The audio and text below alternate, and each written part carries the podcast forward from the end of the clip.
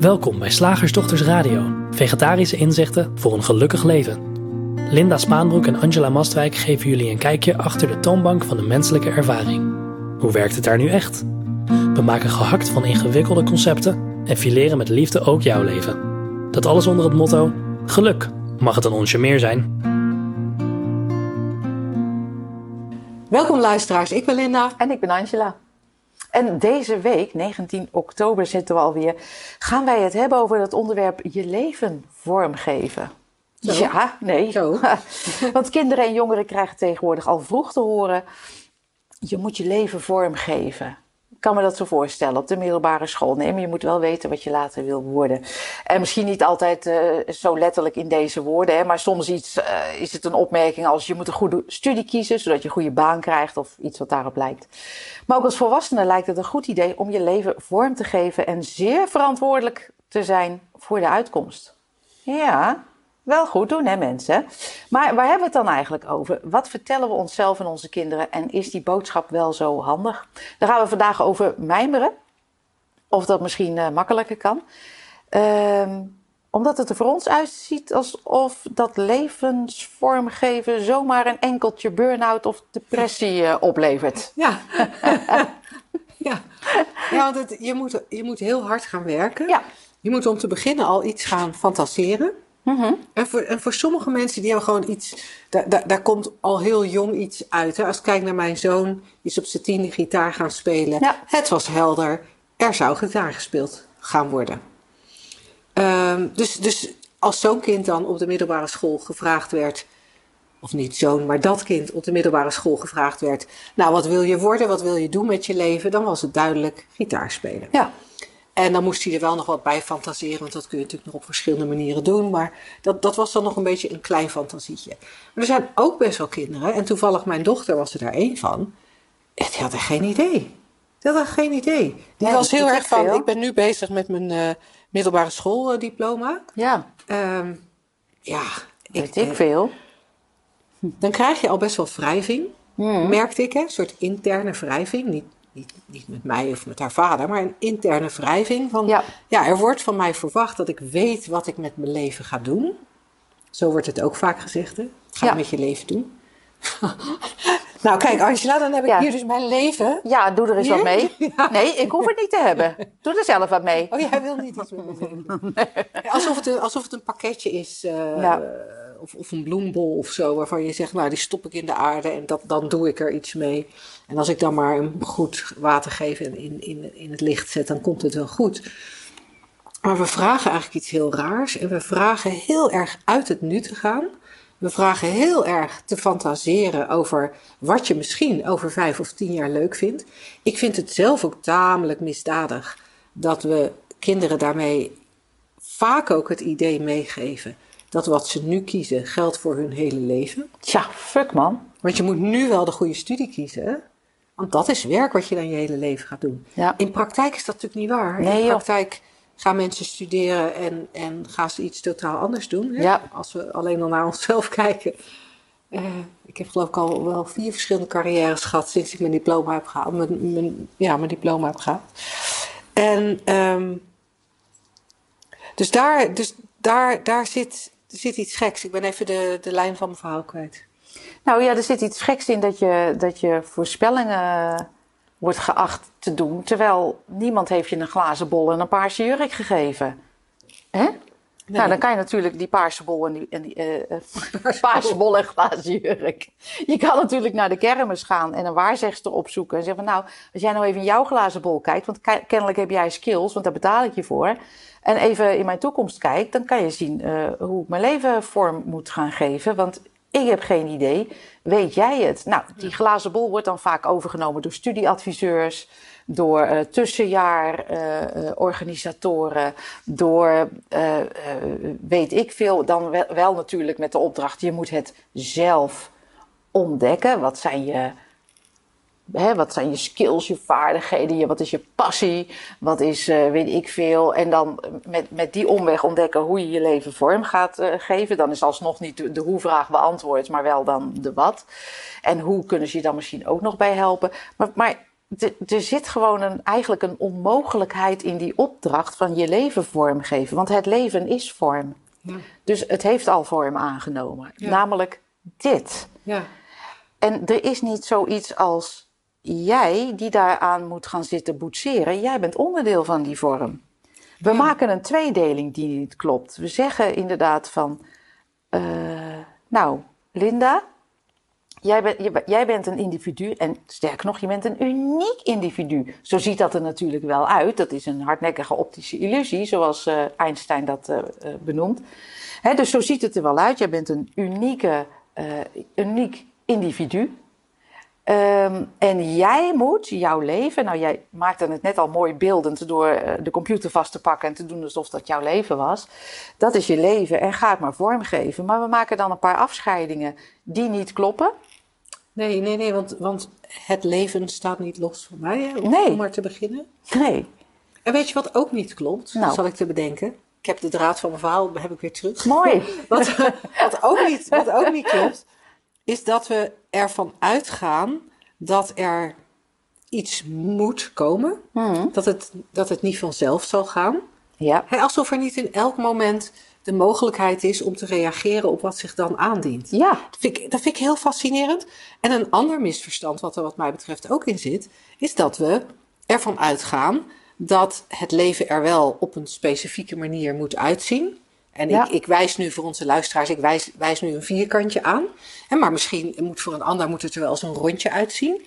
Of moet het er als een driehoekje uitzien. Met het idee van als mijn leven er nou zo uitziet, dan ben ik gelukkig. Dan ben ik veilig Ja. dan is mijn toekomst zeker gesteld. En dat is zo'n misverstand. Dat is zo het oude outside-in paradigma. Waarvan we, en, en het is logisch, hè? Ik bedoel, overal om je heen hoor je het op die manier. Maar deze podcast gaat heel specifiek over dat nieuwe paradigma. Hoe- zit het nou echt? Waar, waar zit dat misverstand? Nou, daar zit het misverstand. Dat het leven outside-in lijkt te werken, van buiten naar binnen. Dus dat er daarbuiten dingen zijn die geregeld moeten zijn op de juiste manier, volgens een, nou ja, met een bepaalde inhoud. Ja. En dan zal ik veilig en oké zijn. Maar het leven werkt andersom. Het leven werkt binnenste buiten. Dus wat er, wat er ook is aan de buitenkant, of het nou een huis met een zwembad is, zoals jij in Singapore had, Ja. of het is eh, eh, leven in een camper, zoals jij jaren daarna deed. Ehm, of het is wonen in een tent, of het is, het is in een rijtjeshuis, of op een studentenflat. Het maakt eigenlijk niet uit, want je, dat kan alleen maar ervaren worden door het denken aan jouw eigen kant. Ja. En, je, en, en wat daar gecreëerd wordt aan denken, niet zozeer door jouzelf, hè, Nee. maar wat er aan denken opkomt. Wat gewoon opkomt. Wat er aan denken opkomt, heeft eigenlijk niks te maken met bijvoorbeeld die woonomstandigheden of die baan of de hoeveelheid geld die er op de bank staat.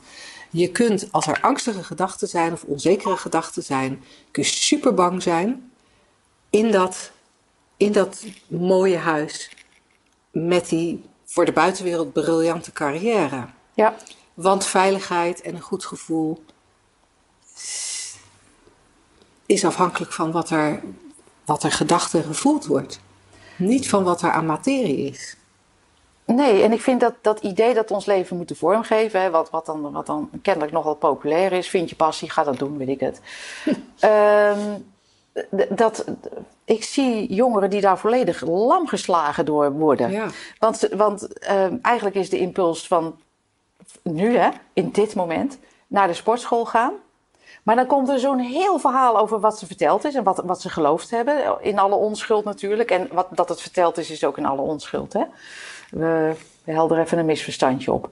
Van ja, nee maar, eh, eh, nee, maar ik zou eigenlijk iets nuttigs moeten doen. Want ik moet nog een baantje. En ik moet, eh, of ja, moet ik dat nou wel doen? Ja, maar ik ben al, ja. eh, eh. Je krijgt echt volledig lamgeslagen eh ehm, denksystemen.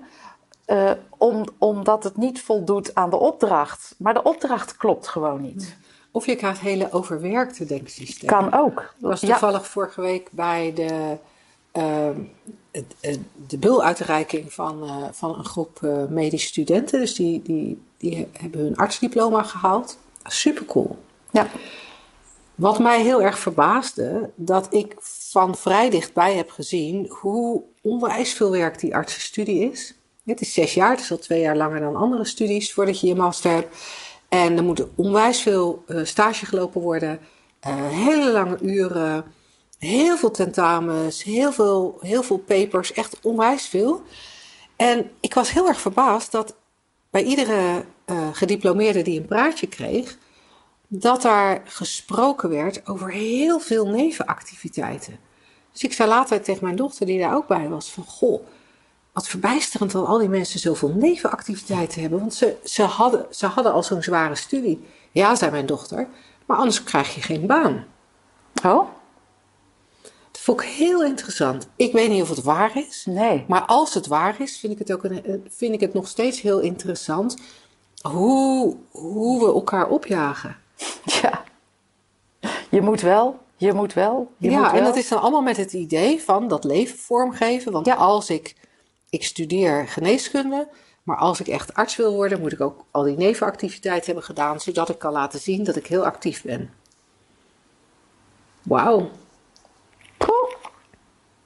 Ik heb laatst een, eh, zo'n gedichtje van, eh, hoe heet die, Toon, eh, Toon Hermans. Was mijn moeder nogal fan van. Even verbouwd in dit kader. Ja. In het kader van je leven vormgeven. En hij is als volgt geworden. Wat wil je zijn? vroeg de trainer, coach, leraar, weet ik veel. In de zoveelste geef je leven vorm masterclass. Ik keek hem in, keek hem aan en wist één ding. Dat ik al niets en alles was. Nou, zo dus. En van daaruit, vanuit dat eigenlijk volkomen ontspannen uitgangspunt, zijn er impulsen en responsen. Ik vind dat zo, zo mooie woorden. Ik weet ook niet van wie ze zijn, maar ehm, er komt dan een impuls. En of het naar de sportschool gaan is, naar de wc of eh, eh, naar, Naar de je- bibliotheek. naar de bibliotheek of naar je laptop om een sollicitatieformulier in te vullen. Dat maakt niet uit. Er komt wel een respons. Je wordt ergens voor gevraagd en dan komt er een ja of een nee of vraag het morgen nog een keer. Het leven leeft zichzelf. Hè? Dat hoef jij. We hebben er een hele rare middleman in gezet, namelijk ik. En daarmee maken we het onszelf gelijk ontzettend moeilijk. Wat, wat ik ineens moet denken van. Want ik, ik wilde eigenlijk zeggen. Ja, je ziet eigenlijk. Hè, wij zijn al voorbeelden van. Je kan van alles verzinnen over de, de, de rest van je leven. En het loopt altijd anders. Omdat je mensen en situaties tegenkomt. Waardoor er. Nou ja, waardoor er andere keuzes gemaakt moeten worden. Hè? Ja. In mijn geval. Je stapt dus in een taxi. Die rijdt dus frontaal op een auto. En je zit op je 23ste in de WO. Ja, Eh, gaat het toch ineens anders dan je had verwacht? Dat wilde ik eigenlijk eerst zeggen, maar toen dacht ik, oh, maar andersom is die eigenlijk ook grappig.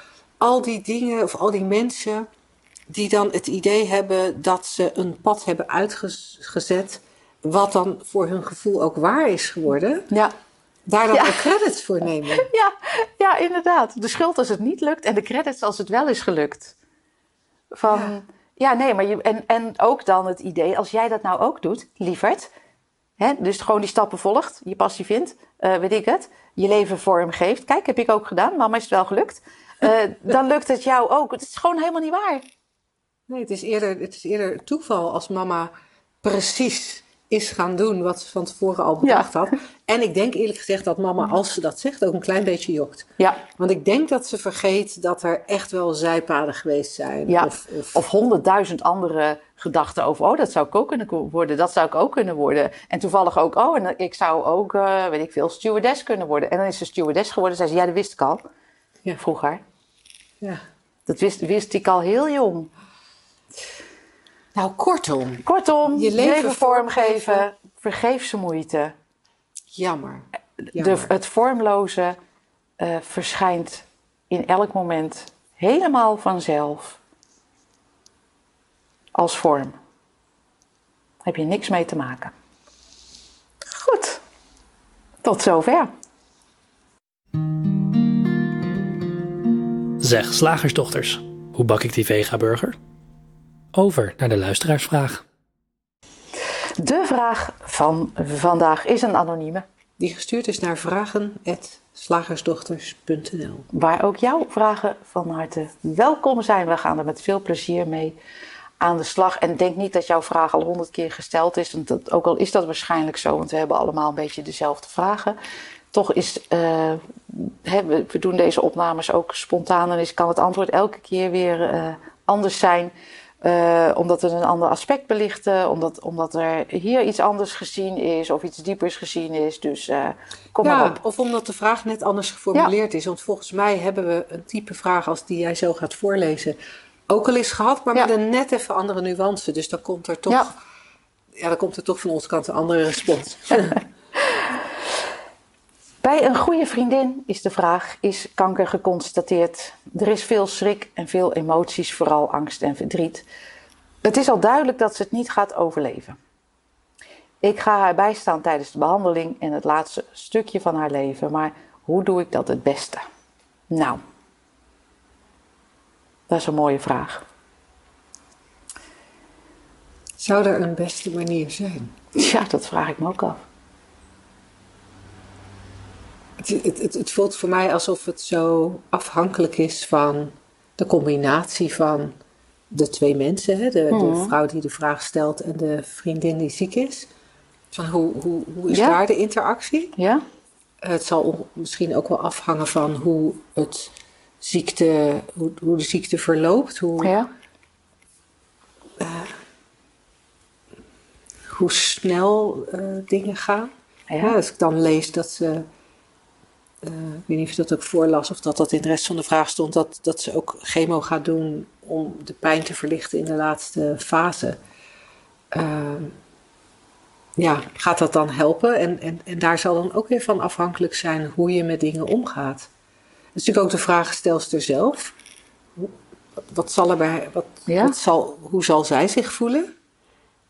Ja, en, en dat is niet een vast gegeven. En ik vind het ook eh, intrigerend dat ehm er veel schrik en veel emoties, dus, eh, angst, verdriet, ja, dat, dat kan opkomen. Ehm, ik vind, als je een woord als kanker noemt, sommige mensen durven het niet eens uit te spreken, hè, de- noemen het ook K of zo. Ehm, de betekenis die we daaraan hebben gegeven is al zo eh, Heftig. heftig. ja, is al zo groot dat dan zie je ook van het is maar, het is maar een woord, hè? het zegt helemaal niks. En zo'n, het is al duidelijk dat ze het niet gaat overleven. Dan denk ik, oh, god, dat, dat vind ik ook zonder ehm, ehm, artsen of de wetenschap eh, in een kwaad daglicht te stellen of zo hoor. Totaal niet. Maar dat ik denk, wauw, we denken echt dat we, dat we, dat we het weten. Hè? Ja. We denken echt dat we dingen weten. Dat van, nou ja, dit is, eh, dit, dit is afgelopen zaak. En dan denk ik ook, wetend van placebo-effect en nocebo-effect, oftewel wat het denken doet in de menselijke ervaring, dat alleen zo'n woord kan al dus, als jij daar heel erg geloof in hebt en heel erg angst aan opgehangen hebt, misschien door eerdere ervaringen, eh, kan zo'n woord al, ik weet niet wat, veroorzaken. En het is maar een woord, hè? Dus, dus de boodschap, u heeft kanker, kan al zoveel ah, veroorzaken. Maar het is, het, het is een woord, er is nog niks mee gezegd. Want volgens mij is kanker gewoon eh, een bepaalde celgroei. Ja. Ehm, maar dan zie je ook van wat denken doet. Ja, het creëert de hele wereld, want denken is creatiemateriaal.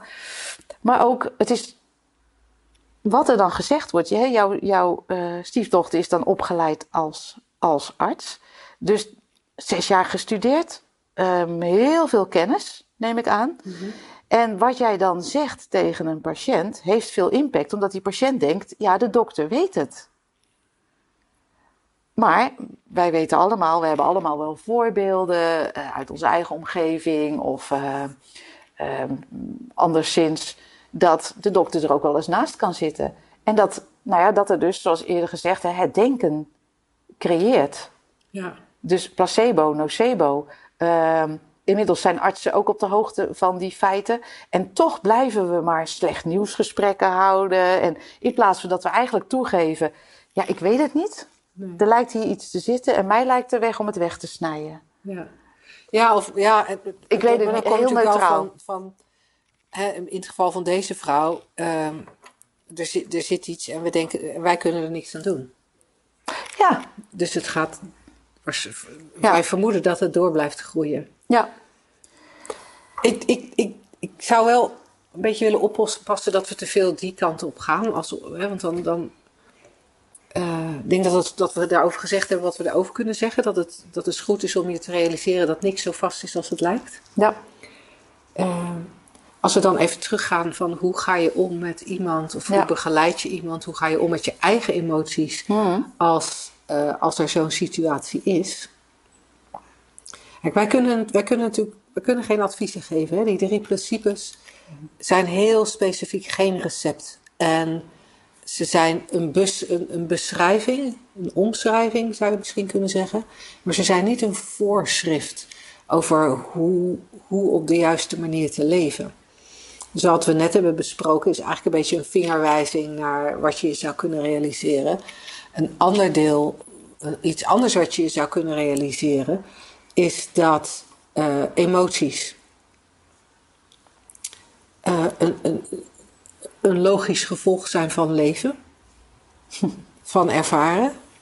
Dus als er gehuild wordt of geschreeuwd wordt of gelachen wordt of geknuffeld wordt, wat er dan ook opkomt aan gevoelens en emoties en wat er dan ook opkomt aan gedrag, dat dat allemaal logisch is en klopt bij die menselijke ervaring.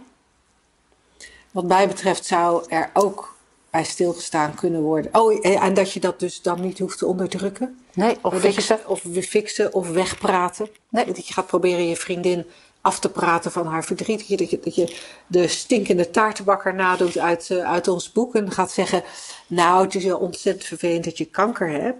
Maar gelukkig weet je het en kun je afscheid nemen van, iemand, iemand, van iedereen. Weet je dat je dat soort dooddoeners krijgt? Daar waar niemand op zit te wachten. Dat je gewoon weet van, hey, emoties horen erbij. Ja. Gevoel hoort erbij. Dit, dit is ook een ervaring. En een ander aspect waar ik aan zat te denken, wat goed kan zijn om eh, eh, te realiseren, is heelheid. Mhm. Ja, heelheid inderdaad. Ehm, en dat, dat lijkt natuurlijk een soort in tegenspraak met zo'n diagnose. Want dan, hè, dan zeggen we er, is iets mis. Maar met heelheid bedoelen wij niet, niet of fysiek alles eruit ziet zoals we denken dat het eruit moet zien. Maar echt eh, de essentie van, de, van het leven herkennen als eenheid en heelheid. En dat wat de diagnose ook is, dat, die essentie, dat dat niks aan die essentie verandert. En dat je dus eh, bij je vriendin dat nog steeds ehm, kunt herkennen of, of realiseren dat dat blijvend is. Jij noemt dat wel eens de constante, Linda. Dat, die, dat die constante niet, niet, eh, niet geraakt wordt door een eh, fysiek mankement. En ook, ehm, en ook niet door wat er zich zoal aan gevoelens en gedachten afspeelt. Dat is simpelweg zoals het gebeurt. Dus je doet dat het, het beste zoals je het doet, zoals het zich aandient. Ja. Gewoon puur. Je bent een denkend, voelend wezen en ehm that, that's it. Ja, denk ik. Ja. Want als we heel veel, als we heel veel meer gaan zeggen, dan, dan gaan we iets voor je invullen. Of dan gaan we toch dingen zeggen die zouden kunnen lijken op een voorschrift. En als het bij jou dan net iets anders loopt, of bij die vriendin net iets anders loopt, dan, dan kan je weer allerlei zelfverwijten hebben. Nou, want ik zat, ik zat te denken terwijl je zat te praten van, jij hebt, jij hebt iets dergelijks meegemaakt. Jij Ja. hebt een vriendin begeleid in de laatste fase van haar leven. Uh, maar toen dacht ik dus tegelijkertijd, maar als we het daarover gaan hebben, Ja. als we gaan luisteren naar hoe dat bij jou en haar verlopen is, Dan lijkt het alsof dat de manier alsof is. dat en zo wordt. en, dat, en dat, dat is gewoon niet zo. Tegelijkertijd, want, het, want elke moment is uniek, elke interactie is uniek, elke, elk relateren is uniek. Ehm, en tegelijkertijd, omdat wij een ander uitgangspunt bieden voor het, het, het, het, het, menselijk bestaan. het begrip van de drie principes en de verwijzing naar de eenheid daarachter, die constante. kan, wel, kan het wel zo zijn dat je uitgangspunt ja, dat levert zoveel eigenlijk lichtheid op, of rust, of ruimte, of hoe je het ook wil noemen, dat dat je uitgangspunt wordt. Maar hoor dat niet als een opdracht, maar echt als een um, mogelijk, um, mogelijk bijverschijnsel van zien hoe het werkt. En ja, dan kan het zijn dat je een ander uitgangspunt hebt. Um, maar ja, geen instructies. Tot zover de vraag. Ja. Woensdag, gehaktdag. Zeg slagersdochters, welk concept gaat er vandaag door de molen? Angela, wat gaat er vandaag door de gehaktmolen? ja, het is echt net alsof we in het winkeltje staan. Uh, een concept van Esther. Die, Esther kreeg namelijk adviezen. Ja? En daar kreeg ze een beetje de kriebels van. Oké. en de opdracht die ze kreeg was: je moet wel heel goed voor jezelf zorgen. Of eerst voor jezelf zorgen, of uh, weet ik veel. De tijd nemen om voor jezelf te zorgen. En zij vroeg zich af: is dat niet een enorm concept? Dat is echt heel grappig, want ik heb toevallig van de week een mentoring-sessie met iemand uit onze opleiding gedaan. Ja. Over precies hetzelfde. Nou, wat leuk. Ja. Wat geinig. Ja. ja. voor jezelf zorgen. Ja, wie zorgt er dan voor wat, hè? Ik, ik ja als, als ik het gezegd hoor of zo lees, dan denk ik, ja, geven we elkaar, het is maar een mijmering, hè, dan de opdracht om, om een soort je aardepakje, net als, of laten we het even vandaag uh, je ervaringsvoertuig noemen. Hè? Je, mhm. Laten we even zeggen, je lijf als ervaringsvoertuig. Uh, ik heb hier uh, voor de, we zitten vandaag op kantoor voor de deur toevallig. Ik ben vandaag met de auto ook een voertuig staan. Mhm. Nou, daar wordt heel veel goed voor gezorgd. Er gaat de goede dure olie in en uh, de, de brandstof die bij de motor past.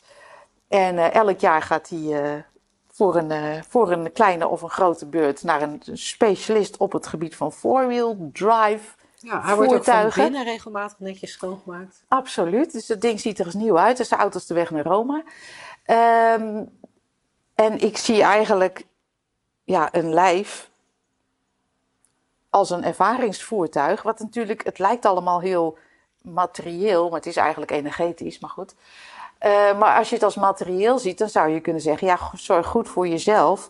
Dat is de juiste brandstof in dit lijfje gooien. Maar ja, wat is de juiste brandstof? Kijk, Voor, een, uh, voor een dieselauto is niet zo moeilijk. Je kijkt bij de pompen zijn uh, vier keuzes. Maar ja, de juiste brandstof voor een mensenlijf, ga er maar aan staan. Niemand die het weet en iedereen heeft een ander idee daarbij.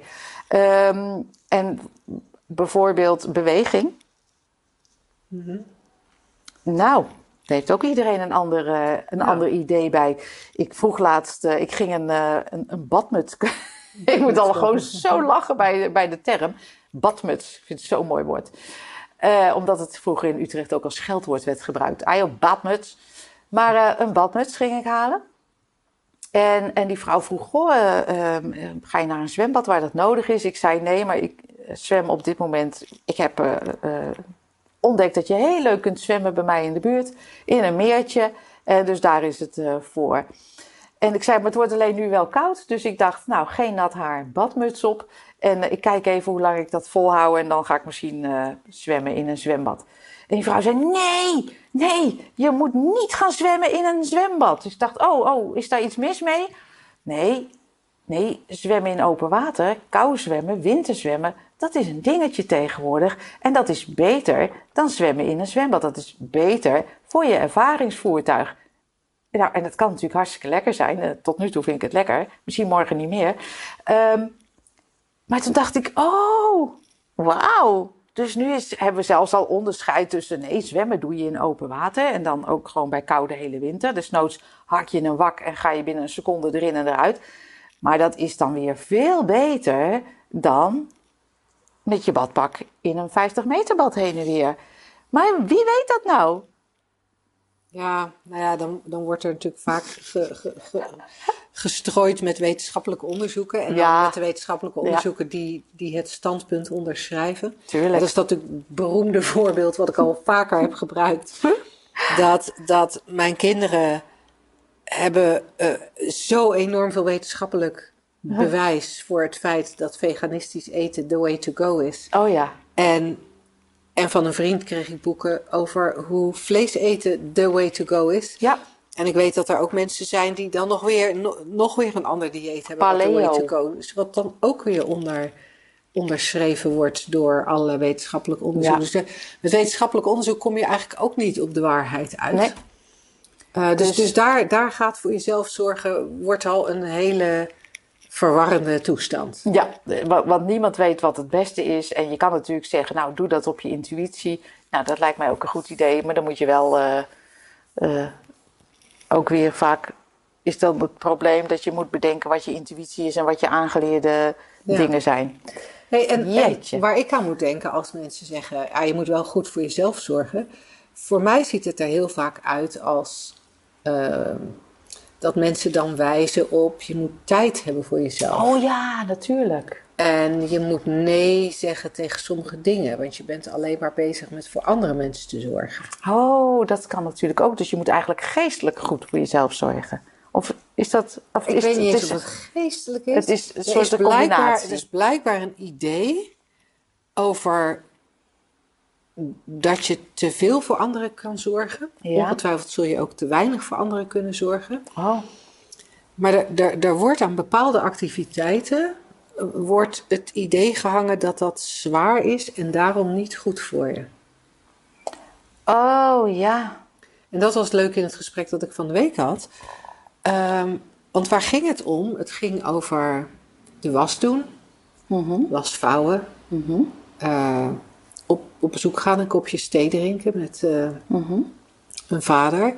Het ging over eh, naar het werk gaan en daar met mensen in gesprek gaan, wat je ook Mhm. zorgen voor andere mensen zou kunnen noemen. Ja, En het ging over eten koken. oké. En, en op zich zijn dat allemaal activiteiten die de meeste van ons doen. Niet, ja, ik, Angela zit nu met een soort rollende ogen naar mij te kijken. Omdat het huishouden niet iets is wat Angela ooit, ooit doet. Maar dat geeft niet. Maar laten we zeggen, veel mensen eh, eh, doen, doen dat soort activiteiten. Hmm. En dan, Nee, ik ook wel hoor. oh toch wel. Ja. En, maar, maar ergens is er dan een niet duidelijk omschreven maatstaf. Dat je te veel van dat soort activiteiten hebt. Zoals je ook, heb ik gemerkt, te veel ehm, eh, in de ogen van andere mensen te veel bezig kan zijn met je honden. Ah. Of dat je te veel kan wandelen. Wat? Wandelt Angela soms drie uur op een dag? Dat is niet goed. Doet ze dat meer dan twee keer in de week? Nou, dat is niet goed. Waarom hebben we eigenlijk zo'n zo, zoveel meningen over wat een ander doet? Ik bedoel, zolang, zolang niemand klaagt. En ik denk altijd. Klagen doe je pas als je zelf in een wokkel zit. Ik denk, maar. Leven is echt veel eenvoudiger dan we denken. Je doet dingen of je doet ze niet. En als je moe bent, ga je liggen. Ja. Nou, en daar dacht ik ook aan als het gaat om goed voor jezelf zorgen. Ik, ik, ik, ik kan me voorstellen dat er mensen zijn die heel veel gedachten hebben over dat ze niet goed, ongemerkt gedachten hebben over dat ze niet goed genoeg zijn. Dat ze dat proberen te compenseren door veel met andere mensen bezig te zijn. Oh ja, dat En dat ook. dat, en dat dat misverstand eh, ervoor zorgt dat ze ja, eigenlijk zichzelf een soort ongelukkig eh, werken. Dat ze allerlei, Oh. allerlei activiteiten doen die ze eigenlijk liever niet zouden doen. Oh, dus een soort van je hebt een tientje in je portemonnee. En dat je denkt, maar eh, ik, ik ben niet goed genoeg, dus ik ga 12 euro aan een ander geven. Zoiets. Ja. Oh. Ja, Ja. dat is niet zo slim. Ja, maar, nou ja, goed, ik vind, die, ik vind dat nog wel interessant om te constateren. Want dat is natuurlijk ook, het is niet voor niks dat er zo onwijs veel te doen is over je moet wel nee kunnen zeggen. En, eh, Ja. Ja, nee, en, en, dat, en dat snap ik ook. En er zullen ongetwijfeld ook, ook situaties kunnen ontstaan waarin er heel veel uh, op je schouders lijkt neer te komen. En dat er een periode is dat, je, dat er heel veel te doen is. Maar het wordt pas volgens mij, hè? Mm Dit is even gewoon wat ik denk. Dus hoor het vooral niet als de waarheid. Maar ik denk het wordt pas lastig als we gaan, nou ja, dat soort onhandige dingen gaan geloven. Van ik moet het allemaal uh, alleen doen, ik mag geen hulp vragen, of ik moet het doen, of er is niemand anders, of anders gaat het mis. Of hey, van, die, van die enorme gedachteconstructies die eigenlijk vermoeiender zijn dan dingen doen of laten. Ja. Dat, dat is vaak. Uh, waarbij we dus niks af willen doen aan, aan soms uh, situaties die ontstaan, die, uh, die echt onhandig zijn. Maar dat komt dan meestal ook door, door regels en um, um, nou ja, sowieso al. Ja. Maar het dingen laten, dat, dat is volgens mij ook al zoiets wat. als je gelooft dat je niet goed genoeg bent, hmm. dan, dan, dan zijn er ook alle, wordt er ook geloofd in allerlei standaarden. Ja, ik weet wel dat ik nu en voor mijn vader zorg en, uh, en, en voor mijn dochter die uh, uh, het zwaar heeft en dat ik een baan heb. maar ja, ik, mijn huis moet wel spik en span zijn. Dat kan gewoon niet anders. Oh, ja. Ja, en ook, er zit natuurlijk ook heel veel van die, um, van, van die programmaatjes, van die voorspelprogrammaatjes in zo'n systeem. Van als ik dit doe of laat, of niet doe of wel laat, of dan. En dan komt er een voorspelling die zo waar lijkt, zo waar lijkt, terwijl we eigenlijk gewoon niks weten als mens. Echt niks. Maar dat vinden we dan zo eng, terwijl dat de, de ultieme vrijheid is. En, en bewegen gebeurt toch wel, want jij geeft je leven geen vorm het vormloze leven neemt vorm aan in elk moment. Ja. Maar, maar wij, wij willen maar met het, met de, in die illusie van dat afgescheiden ikje, um, willen we maar die, daar verantwoordelijkheid voor nemen. En dat, dat is gewoon niet zo. en het is echt heel grappig, want. Um, als dat gecommuniceerd wordt, is, komen er heel vaak bezwaren van ja, nee, maar als ik geen verantwoordelijkheid neem, dan. En dan vind ik het leuk om te zeggen: nee, maar je had hem al niet. Het is nu ook al niet zo, dus er verandert helemaal niks. Ja, het kan zijn dat je hele systeem ervan ontspant en dat je ineens een stuk effectiever wordt. Echt verrot efficiënt en creatief en weet ik veel. Maar alleen dat idee van ik moet of ik mag niet, maakt het ingewikkeld. Ja, ja. ja. Fascinerend. Enorm fascinerend. Nou, de, de, bel, gaat. Dus, dus, het, het, is, het einde van de dag. Ja, of het einde van de radioshow bedoel ik. wij gaan lekker verder. Um, hebben wij nog wat te melden in het kader van uh, activiteiten? Doen we nog een driedaagse? Oh, we hebben in 1 november een shiftdag rust en ruimte. Ja. 12 of 13 november. Moet je even op de site kijken. shiftacademy.nl um, ehm, Daar vind je onze agenda en ook andere shiftdagen. Het is 12 of 13 november. En je bent natuurlijk van harte welkom zoals gewoonlijk. Graag tot dan. Doeg! Weet je wat ook lekker is? Ons gratis e-book Geluk in de Liefde. Download hem via www.slagersdochters.nl/gratis.